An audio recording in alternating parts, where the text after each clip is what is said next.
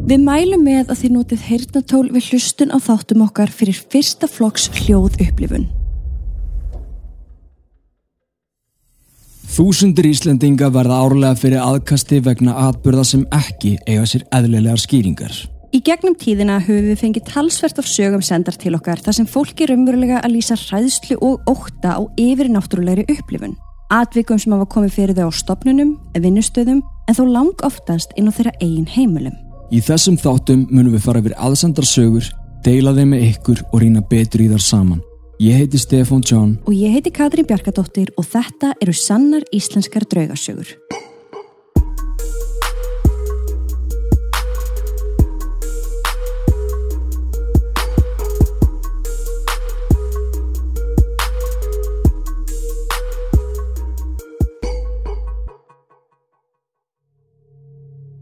Við viljum minna á að draugarsögurnar okkar eru ekki við hæfi barna yngri en 13 ára nema með leifi fullortna. Og með því hefjum við sögu dagsins. Verið velkomin í þátt nummer 32 af sönnum íslenskum draugasögum. Í dag ætlum við að segja ykkur áttadraugasögur sem að koma frá fjórum einstaklingum. Og við viljum endilega hvetja þig til að senda okkur þína draugasögu á sannaratdraugasögur.com og við hvetjum líka þá sem hafa sendt okkur einu sinni að senda okkur aftur ef þið erum með fleiri atvik sem að þið vilja endilega deila með ykkur. Það má alveg senda inn eins oft og manni langa til. Ó já. En byrjum þetta. Saga 1. Skilaboð að handan. Fyrsta sagan sem að við ætlum að taka fyrir í dag kemur frá konu og þetta er ein frásögn sem við ætlum að fara yfir. Ok. Komið í sæl.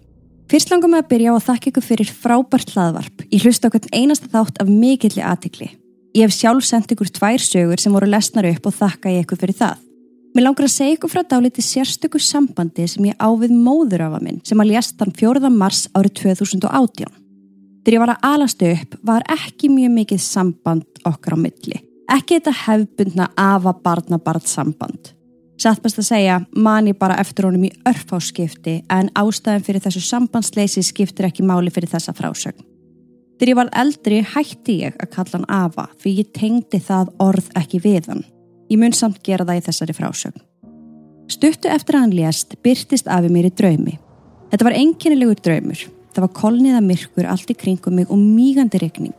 Ég þreyfaði fyrir mér en sá ekkert, fann bara fyrir regningunni. Allt í einu, eins og upp úr þurru, sá ég Ava standa ekki svo langt frá mér. Klættur í einkennilegan marglitaðan joggingjakka, svo litið eins og voru vinsalir á nýjunda áratögnum. Í lifandi lífi hafði Afi verið stór og mikill maður, svo litið eins og jötun eða þursi og bar tilfinningar sínar ekki á borð því slíkt gerðu menn vist ekki í hans tíð. Í þessum draumi var hann hins vegar grátandi. Hundblöytur og grátandi leitan á mig og það eina sem hann sagði var ég áttaði mig ekki.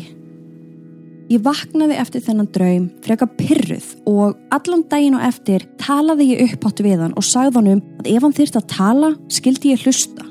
Hann hefur byrst mér tvirs og sinnum í draumi síðan þá. Hlututin færðust hens vegar á næsta steg síðustu jól. Ég búsett Erlendis og flög heim yfir jólinn. Ég ákvaði að kíkja á leiði nokkra ættingja og leggja á þau kjörti. Leiði afa míns var eitt af þeim. Ég lagði kertið á leiðið hans og stóð svo um stund og talaði við hann. Nokkrun dögum síðar þegar ég var komin heim til foreldra minna var pappi minn að taka til í gestaherberginu. Stuttu síðar kom hann til mín og rétti mér af fjóriblað. Þú átt þetta sínist mér, sagðan.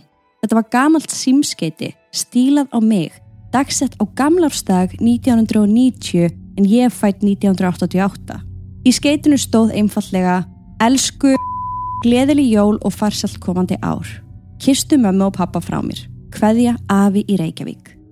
Mér finnst að þarna hafa hann verið að þakka mig fyrir kertið með afgerandi hætti og jafnvel þakka mig fyrir að vera afturfarn að kalla hann Afa. Og nú síðast var ég stödd í eldúsinu heima hjá mér og ákvaða ganni mínu að fara að tala upphátt við hann. Ég spjallaði heilningi við hann. Tveimur dugum síðar var ég að ranna í gegnum Facebook og þá sá ég hver frændi minn, bróðir afa míns, hafði postað minningu eins og hann gerir gerðnan. Það var myndband af afa mínum, tekið fyrir fimm árum, myndband sem að ég hafði aldrei séð áður. Þar heyrði ég röttans og allt.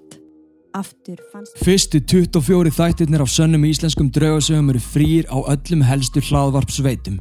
Þættir 25-39 eru aðgengilegir á Spotify áskrift. 14 þættir, ein greiðsla, ekkert vesen. Skrifaðu sannar íslenska draugasögur áskrift í leitargluggan á Spotify. Smelt á lásin við hvað þátt sem er og síðan á Get Access og ert komin inn.